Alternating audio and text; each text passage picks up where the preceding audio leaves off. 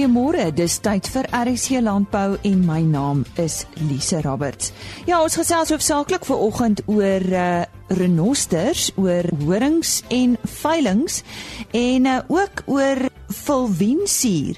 Ja, dit is 'n alternatief vir antibiotika wat vir vee gebruik word en Dr Gerard Jordaan gee vir ons die jongste nuus daaroor. Dan ook ons wolmark verslag. Dit was eh, 'n uh, besige paar weke wat die renosters betref en uh, hier om die jongste nuus en verwikkelinge met ons te deel is ons gereelde gas Bonnie De Bot. Nou iets wat merkbaar na vore getree het is die onlangse beslagleggings op renosterhorings by die OR Tambo internasionale lughawe. Nou daar's baie bespiegelings dat dit 'n direkte uitvloeisel is van die onlangse aanlyn veiling. Wat is jou mening Bonnie? Goeiemôre. Goeiemôre Lise. Ja, uh, jy's heeltemal reg. Jy weet dit is dis ongelooflik om hierdie toename in beslaglegging op renosterhorings uh, by die lughawe te sien en nie net hierdie maand nie, maar om die waarheid te sê die laaste paar maande. Uh nou soos jy gesê het, jy weet baie spekuleer dat dit 'n direkte uitvloeisel is van die aanlyn uh, veiling wat onlangs plaasgevind het uh met verskeie organisasies en individue wat hierdie aantuigings in die publiek gemaak het op sosiale media en so aan. En so het die minister van omgewingsake Dr Edna Molewa 'n verklaring uitgereik wat baie duidelik sê dat daar geen verband bestaan tussen die beslagleggings en die veiling uh, wat plaasgevind het nie. Maar sy het ook verder gesê dat die horings wat tydens die veiling verkoop is, steeds in besit is van John Hume van die boer. So wat sê dit vir ons? Dit sê vir ons dat daar wel 'n verkope was van renosterhorings tydens die veiling, uh, maar die resultate is nog nie uit nie, so ons weet nie presies hoeveel is verkoop en teen watter prys nie. Maar ja, daar is 'n uh, versekerde toename in beslagleggings by lughawens nie net plaaslik nie, maar dink ook internasionaal. Ehm um, jy weet ek het ek het 'n rukkie gelede 'n paneelbespreking vir die Verenigde Nasies gelei oor die onwettige handeldryf in in diereprodukte en ek onthou daar was 'n groot uh, dringendheid vir beter samewerking tussen douane en wetstoepassers tussen verskeie lande waar er renosters voorkom, maar ook transitolande. So dis duidelik dat daar beter samewerking is. Uh maar dit is my nog steeds baie hartseer om die groot hoeveelheid uh renosterhorings wat in die stelsel is te sien. Kom ons gesels nou uh, nog oor John Hume. Ek uh, verneem dat hy ook 'n renosterhoring veiling vir September maand beplan het, maar dit het skynbaar nie gebeur nie. Wat is die langtermyn implikasies van hierdie onsuksesvolle veilings? Jy weet ek het uh, met John Hume gesels uh, en ek het my gesê dat die fisiese veiling gekanselleer was omdat hulle bekommerd was oor die inmenging van diegene wat gekant is uh, teen die handeldryf in renosterhoring, die sogenaamde anti-traders. Uh, ons weet John Hume het gesukkel om sy aanlyn veiling in Augustus van die grond af te kry uh, as gevolg van 'n regstryd met die departement en dan uh, was daar ook kuberkrakers of die die sogenaamde hackers wat die veiling webwerf binne gedring het. Nou met al hierdie komplikasies uh, rondom die aanlyn veiling en dan nou die fisiese veiling wat gekanselleer was, wys dit vir ons dat alhoewel plaaslike handeldryf in renosterhoring nou weer wettig is, is dit nog nie 'n goed geoliede uh, masjien nie. En dit maak sin, jy weet wat logistiek aanbetref, ons moet onthou dat die departement besig is met 'n audit van van al die horings in privaat en staatsbesit en dit vat tyd. En ek dink baie uh, privaat renoster eienaars wag nou in antisisipasie vir 'n aanduiding van wat die wettige markprys van renosterhoring hier plaaslik is. Ja, gepraat van die verwagte plaaslike prys van die horings, wat is die vooruitskattinge? Kyk, almal sê altyd ons moenie oor die prys van renosterhoring gesels nie, ons moet dit bekend maak nie, maar jy weet daar's verskeie nie-regeringsorganisasies uh, wat in diepte navorsing doen oor die pryse dit is baie belangrik en hulle bevindinge uh, publiseer. So dis so eenvoudig soos om dit te gaan Google. So ek gaan net kortliks uh, oor die prys gesels. Kyk, al wat ons weet op hierdie stadium dise is wat die internasionale swartmarkprys is. Uh, ek het dit self ervaar en gesien uh, tydens vervulling in Asië verstroop en dit wissel enige iets van tussen 40 en 60 dollar per gram. Maar ons weet dan nog steeds nie wat die plaaslike prys is nie. So ek dink uh, nie per gram nie, ook nie per kilogram nie. So net soos die boere wag ons ook in antisisipasie en uh, ek hoop die die uh, na die veiling word die resultate bekend gemaak wat ek dink dit gaan interessant wees om die plaaslike prys met die internasionale prys uh, te kan vergelyk. Is daar enige nuus oor komende veilinge? Ek het met die die voorsitter van die private renoster vereniging Proa uh so 2 weke gelede gesels en Hulle wil graag 'n sentrale verkoopsorganisasie op die been bring. So hulle wil optree as 'n middelman uh, tussen koper en boer. Met ander woorde die verkope van renosterhoring namens die boere fasiliteer. Maar hulle wou ook eers sien hoe die eerste veilinge uh, verloop en afspeel. So nou met die min verkope tydens die aanlyn veiling en dan die fisiese veiling wat gekanselleer is, uh, is dit moeilik om te sê, jy weet hoe en en wanneer hierdie komende veilinge gaan plaasvind. Gaan ons net aanlyn veiling sien of gaan daar wel ook fisiese veilinge wees? So ek dink dis 'n moeilike een om te antwoord. Uh, ons sal maar moet wag en kyk hierse. Nou verskeie berigte oor 'n nosterhoring juweliersware doen nou die ronde en een daarvan is die sogenaamde chop shops hier in Suid-Afrika. Is dit 'n nuwe manier om renosterhorings aan die land uit te kry dink jy Bonnie? Ja, hierdie nuwe tendens, uh hierdie sogenaamde chop shops waarna hulle verwys, is is basies klein werkswinkels in in huise wat deur syndikaate opgestel is, uh hier in Johannesburg waar hulle jare nosterhoring in in kleiner deeltjies opsny of opkap en hulle juweliersware daai maak. So jy het armbande, krale en hulle sit dit selfs in fooie formaat uh om en dit is alles om dit makliker deur douane en sekuriteit by lughawens te smokkel. Jy weet die ouens wat die horings uit die land uitneem, hulle moet natuurlik die horings so beste as moontlik wegsteek in hulle bagasie. So 'n mens sou aanvaar dat 'n jou horing 'n jou moontlik deur 'n skandeerder opgetel gaan word. Aan die ander kant, as jy hierdie ouens het wat juweliersware dra gemaak uit renosterhoring, gaan dit baie moeiliker wees om op te tel. So ek dink dit gaan uh, die werk van sekuriteitspersoneel uh, by lughawens baie moeilik maak. Kyk, ek het uh, juweliersware gemaak uit renosterhoring in Suidoos-Asië vir film. So dis niks niets nie. Maar dit was net so skokkend, jy weet om dit hier te sien tydens die polisie se klopjag op hierdie chop shops. So ek dink wat hierdie vir ons wys is weer eens dat ons te doen het met gesofistikeerde georganiseerde misdaadsyndikaate, hulle verander hulle tegnieke Dan is daar 'n nuwe interaktiewe kaart van die wêreldwye handel in renosters uh horings gepubliseer. Uh, vertel 'n bietjie vir ons wat dit is en wat leer ons hieruit?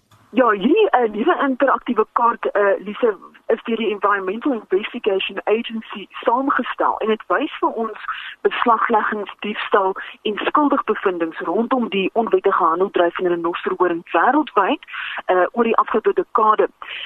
As ons gaan kyk na die beslagleggings, die kaart wys 'n totale aantal van 475 en dit verteenwoordig 4200 kg renosterhoring. Maar nou hier is die interessante deel.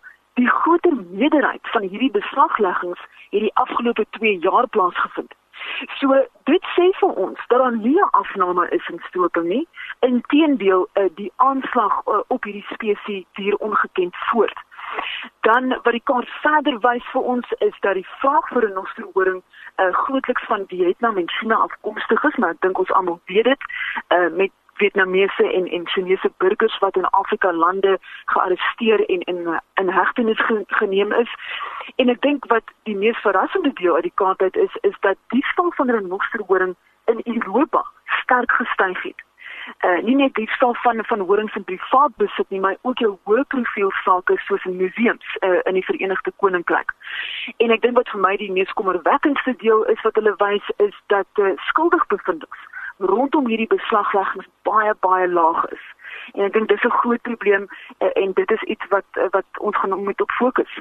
Nou iets 'n bietjie van 'n ander aard. 'n uh, 'n onlangse studie wys dat olifante hulle gedrag verander uit vrees vir stroopers. Is dit waar Bonnie en kan uh, dieselfde van renosters gesê word? Ja, ja, 'n baie interessante studie wat in Kenja gedoen is wat wys dat olifante hulle gedrag verander as gevolg van die aanslag op hulle uh, deur stroopers en nie net in Kenja nie, maar ook in ander uh, Afrika lande.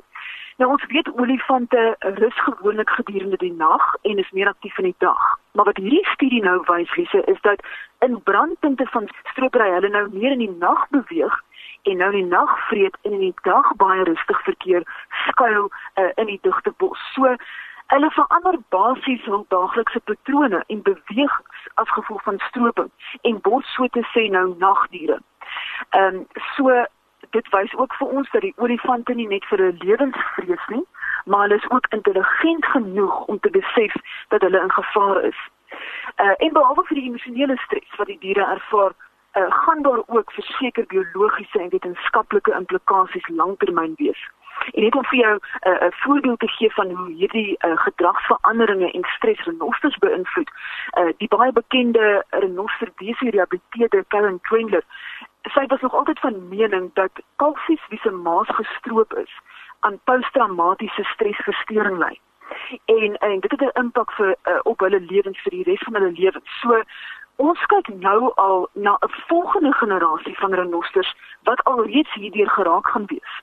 So dit is nogal skokkend. Nou ons het onlangs wêreld renosterdag gevier. Maak hierdie wêreld daar 'n werklike verskil? Ja, ek dink uh, ons mag dalk dink dat dit onbelangrik is of onbeduidend is om om een dag te hê waarop alle aandag gefokus word op 'n spesifieke onderwerp.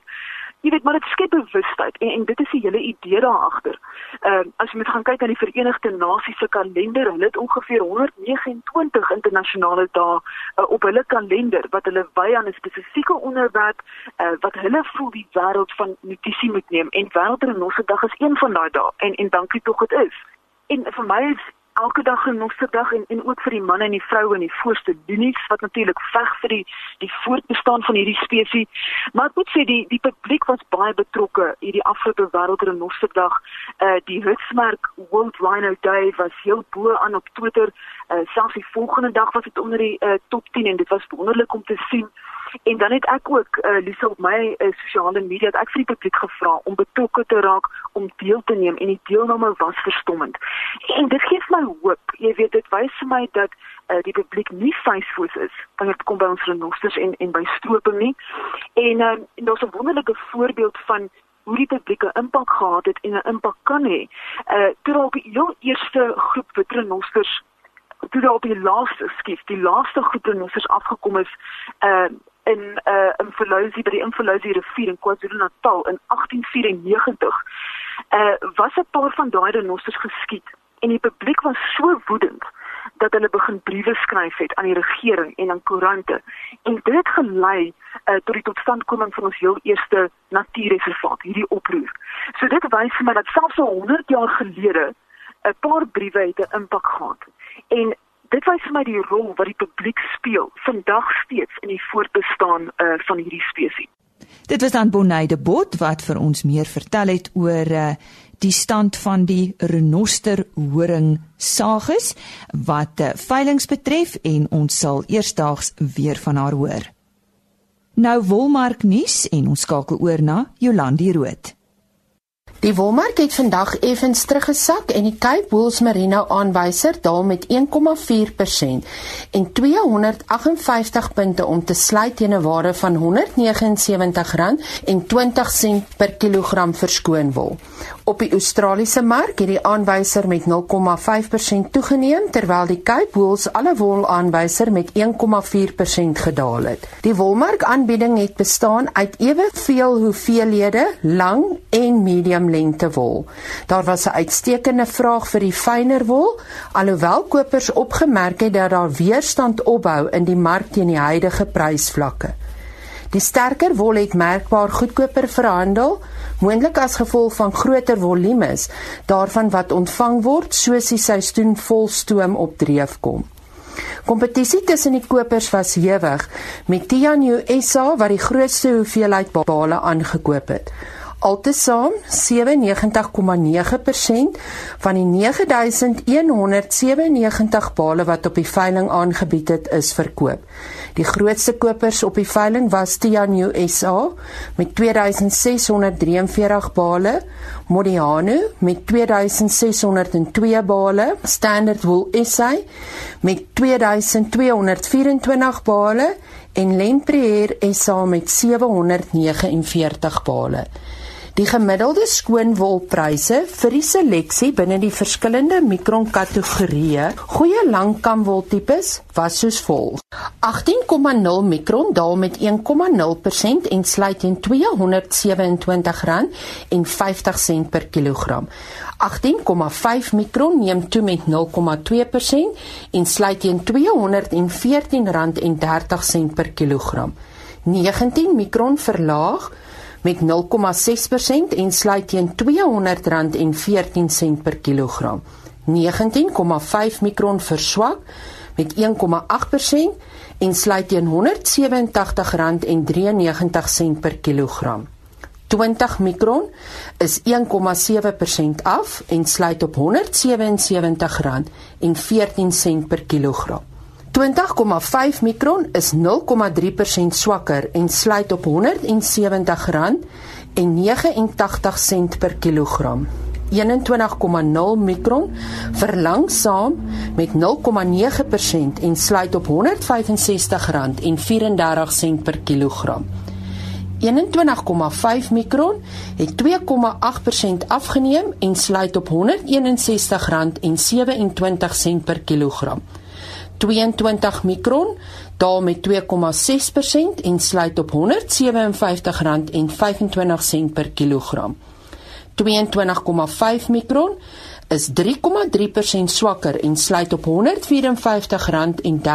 per kilogram. Die volgende veiling vind plaas op 25 Oktober wanneer 9691 bale aangebied sal word. Jolande Rood met die nuutste wolmark verslag. Span die seile saam met Laveld Agrochem en vaar in April aanstaande jaar na Mosambiek. Hierdie unieke en onvergeetlike seilsafari is beskikbaar vir landbouers en hulle gesinne en is nog 'n eerste deur Laveld Agrochem. As jy saam wil vaar en in pret wil deel, stuur vandag nog 'n e-pos met jou besonderhede na info@laveld.co.za. info@laveld.co.za. Ek het in Julie maand met Dr Gerard Jordaan gesels, hy's van Wilwidok. In ons vorige gesprek het ons oor die bekommernis in dieregesondheidskringe gesels wat die oorgebruik van antibiotika betref, groeistimulante wat antibiotika bevat en is dit moontlik dat volwiensuur 'n oplossing hiervoor kan bied. Môre Gerard. Ja, goeiemôre Lisa en ook aan die luisteraars. Jy's heeltemal reg. Ehm um, dit is so en ek wil graag vanmôre met jou 'n bietjie meer inligting deel uh na ons vorige gesprek. Uh ons het gekyk na so vyf moontlikhede waar ons dan volwinsuur kan gebruik om te help met die behandeling van simptome by erge siektes by ons produksiediere op die plaas. Uh ek gaan so 'n paar van hulle deel. Uh die eerste enetjie waarna ons gekyk het is dan die erge uier inflammasies by melkkoeie en hier het ons gevind dat wanneer volwinsuur toegedien word die swelling van die eier die die boere praat baie keer van die harde kwarte dat die swelling van die eier na 12 ure herstel en dat ons gevind het dat melk na so 3 dae heeltemal skoon was. En die voordeel is natuurlik dat daar geen melkonttrekking was tydens hierdie periode nie wat wel die geval is met sekere antibiotikas. 'n Belangrike aspek wat ons ook na gekyk het is die somatiese seltellings wat aandui op inflammasies en hier het ons gevind dat ons dit baie effektief kan afbring en dan ook vir 'n verlengde tyd op 'n aanvaarbare vlak kan hou. 'n Interessante studie wat ek gedoen het op so 9 melkkoeie wat regtig baie erge eierinflammasie gehad het, die melk was heeltemal bloederig, baie dik etterig gewees en so meer en die produksie het so geval dat die boer dit oorweeg het om hierdie um in nege koeie uit te skot, het ons probeer met die volwiensuur toediening en gevind dat na 4 dae die produksie weer normaal was. Ek het nou nie weer die koeie na die tyd opgevolg om te weet wat die langtermyn resultaat was nie, maar dit het vir ons aangedui dat dit baie baie effektief werk teen dan inflammatoriese toestande. Die die tweede enetjie Elise en ek gaan sommer aan met die gestrek. Die tweede eienskap van volwensuur is natuurlik sy antibakteriese effektiwiteit. En hier het ons 'n interessante studie gedoen. Ons het 122 melkkoeie geneem en in twee groepe gedeel. Die eerste groepie het ons volwensuur toegepas as 'n voorkomingsmaatreël oor 'n periode van 28 dae en by die tweede groep het ons nou bestaande uh voorkomende behandelingstegnieke uh, wat gebruik word en al in alreeds geregistreer is teenoor die volwensuur getoets. Die interessantheid is dat die nuwe infeksie toename met volwensuur op die plase was 6.5% teenoor 'n 17.2% by die geregistreerde produkte. En dit het natuurlik vir ons 'n aanduiding gegee van ons het iets waarmee ons kan bakterieë bestry. Ons het dit verder geneem en gekyk na veral by kalvers waar erge diarree veroorsaak word deur bakterie en het ons gevind na so 2 tot 3 behandelings met fulvinsuur dat die bakterie stop. Ehm um, ek moet baie eerlik wees dat ek dink 'n mens moenie nou hier probeer dadelik sê gooi alle antibiotika weg nie, maar dit is baie duidelik dat ons 'n groot effek kan hê op ehm um, bakteriese toestande. 'n Interessante studie wat dit ondersteun is in Amerika gedoen. Hier het hulle uh ook wonde geïnfekteer met met met ehm um, uh bakterieweerstandbiedende medisyne.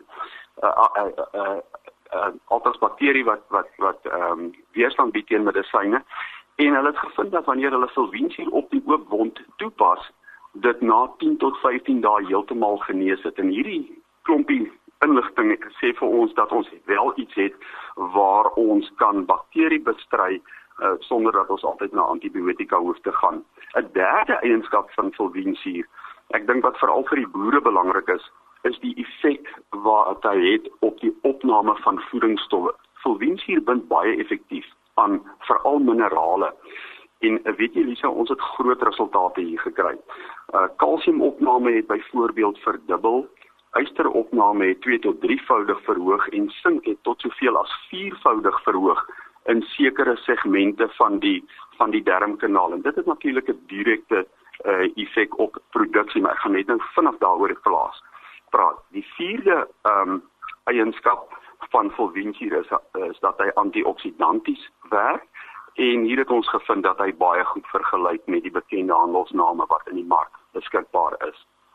En dan uh soos ek genoem het waaroor ek baie opgewonde is is die die effek op produksie. 'n Vorige studie waarby ek nie self betrokke was nie, het getoon dat fulvinsuur wel 'n verhoging in gewig en ook in die grootte by visse veroorsaak het wat vir wat uh gevoer is met uh fulvinsuur uh in in hulle in hulle kos oor 'n periode van 58 dae. Ek het dit gebruik as riglyn en ons het sommer maar net so 'n voorlopige studie gedoen op lammers en oor 'n periode van 40 dae het ons gevind dat die uitslag gewig van die lam wat fulvinsuur gekry het soortgelyk is aan dit wat hulle kry wanneer bekende groeistimulante gedien word. So dit gee vir ons 'n aanduiding van produksie, maar wat vir my baie belangrik was hierson is dat ons gevind het dat vir al die ingewande, die rumen van hierdie lammers geweldig verskille getoon het teenoor die groeistimulant groep. Ons het byvoorbeeld gevind dat die rumen baie sagter is die willie of die die vingers dan nou in die in die darmkanaal wat die um, absorpsie van voedingsstowwe aanmoedig waardeur dit plaasvind het ons gevind dat dit baie digter is, baie meer is en selfs ook langer is wat basies beteken dat die area vir uh, of die oppervlakte uh, vir opname van voedingsstowwe dan um aansienlik verhoog het. Nou by uh, Gerard is Imelda Jordaan, sy is die apteker en uh, ons was bly om te hoor dat uh, sedert ons laas gesels het dat hulle goedkeuring gekry het om voort te gaan met die vervaardiging. Nou Imelda, julle vervaardig uh, fulvinsuur sinteties. Hoe verskil dit nou van waar daar uit natuurlike bronne so steenkool ontgin word? Ag Lise, dit gaan grootliks in die in in die kwaliteit en die veiligheid provinsie wat ontgin word uit die steenkool en hierdie ander bronne se kwaliteit wissel afhangende van waar hulle dit natuurlik ontgin en daar is baie swaar metale en pestisides in. En die een wat Gerrit gebruik, dis die een wat ons natuurlik sinteties vervaardig, noem ons dit is 'n nat oksidasieproses in 'n reaktor. So die enigste stowwe middels wat ons gebruik is net suiwer suiker en water wat verhit word op 'n stadige proses. Die suiker word stadig afgebreek en by 'n bepaalde temperatuur voeg ons dan die suurstof by in die reaktor. Hierdie temperatuur word dan baie verhoog, die druk word toegeneem in die reaktor en dit veroorsaak verskillende komplekse chemiese reaksies wat baie hoë energie veroorsaak en dan word die word die stel of die proses is dan heeltemal outomaties. Dis is 'n slegs suurstof, water en suiker en die inlaatvlakke daarvan word beheer. Die suiker breek ehm um, vinnig af in verskillende klomp karboksielsure Maar by hierdie hoë temperatuur en hierdie hoë druk herstruktureer dit in bundels van unieke sure en dit vorm fulviensuur. Daar is dus 'n moederstruktuur en dogterstrukture en dit gee hierdie verskillende kliniese eienskappe van 'n antioksidant en anti-inflammatories en antibakterieel wat Gerrit dan nou genoem het. Die veiligheid en die effektiwiteit het ons 'n hele reeks toetsbatterye wat ons doen op ons volwensuur en ook dat ons seker maak dat ons konstant dieselfde kwaliteit lewer word van vervaardigingslot tot vervaardigingslot um, getoets en dat ons seker maak ons maak vir konstant dieselfde produk en dan het ons ook natuurlik hierdie proses is gepatenteer en wêreldwyd geregistreer. Nou kom ons kom by die registrasie en die vervaardigingsvereistes uh, Gerard. Julle is tevrede dat dit alles reg en in plek is. Ja, Lisa, nee, uh, heeltemal korrek so. Uh, die die die vervaardigingsaanleg is nou onlangs deur die Medisynebeheerraad geregistreer en en dit is nogal 'n unieke storie want dit is die eerste keer uh, dat 'n uh, farmaseuties aktiewe bestanddeel en sy vervaardiger beide dan uh geregistreer is. Uh dit is ook die eerste sinteties vervaardigde volwensuur wat wat geregistreer is. En wat verder geregistreer is is al die farmaseutiese vloeistofformulasies waarin die volwensuur as aktiewe bestanddeel gebruik word soos in die geval van my produkte is dan ook ingesluit in hierdie uh, registrasie. So ja, baie kortliks, uh, wat is die pad vorentoe? Lisa, ek dink daar is twee goed nou wat belangrik is. Die eerste enetjie, omvattende navorsing, uh wat voldoen aan aan aan internasionale standaarde en natuurlik die tweede enetjie is nou om ons produkte te registreer. Ons het reeds 4 geregistreer. Daar's 5 in die pipeline en dan is daar nog twee groot projekte waarmee ons besig is. Ons het in 'n vorige geleentheid het ons 'n navraag of twee gehad oor dit waarmee jy besig is. As iemand dalk met julle wil kontak maak, wat is die beste? Lise, daar's twee moontlikhede. Ek gaan sommer my selfoon gee. Dis 082 559 0847. Die ander is per e-pos by Gerard G E R H A R D Gerard @ of afster @ c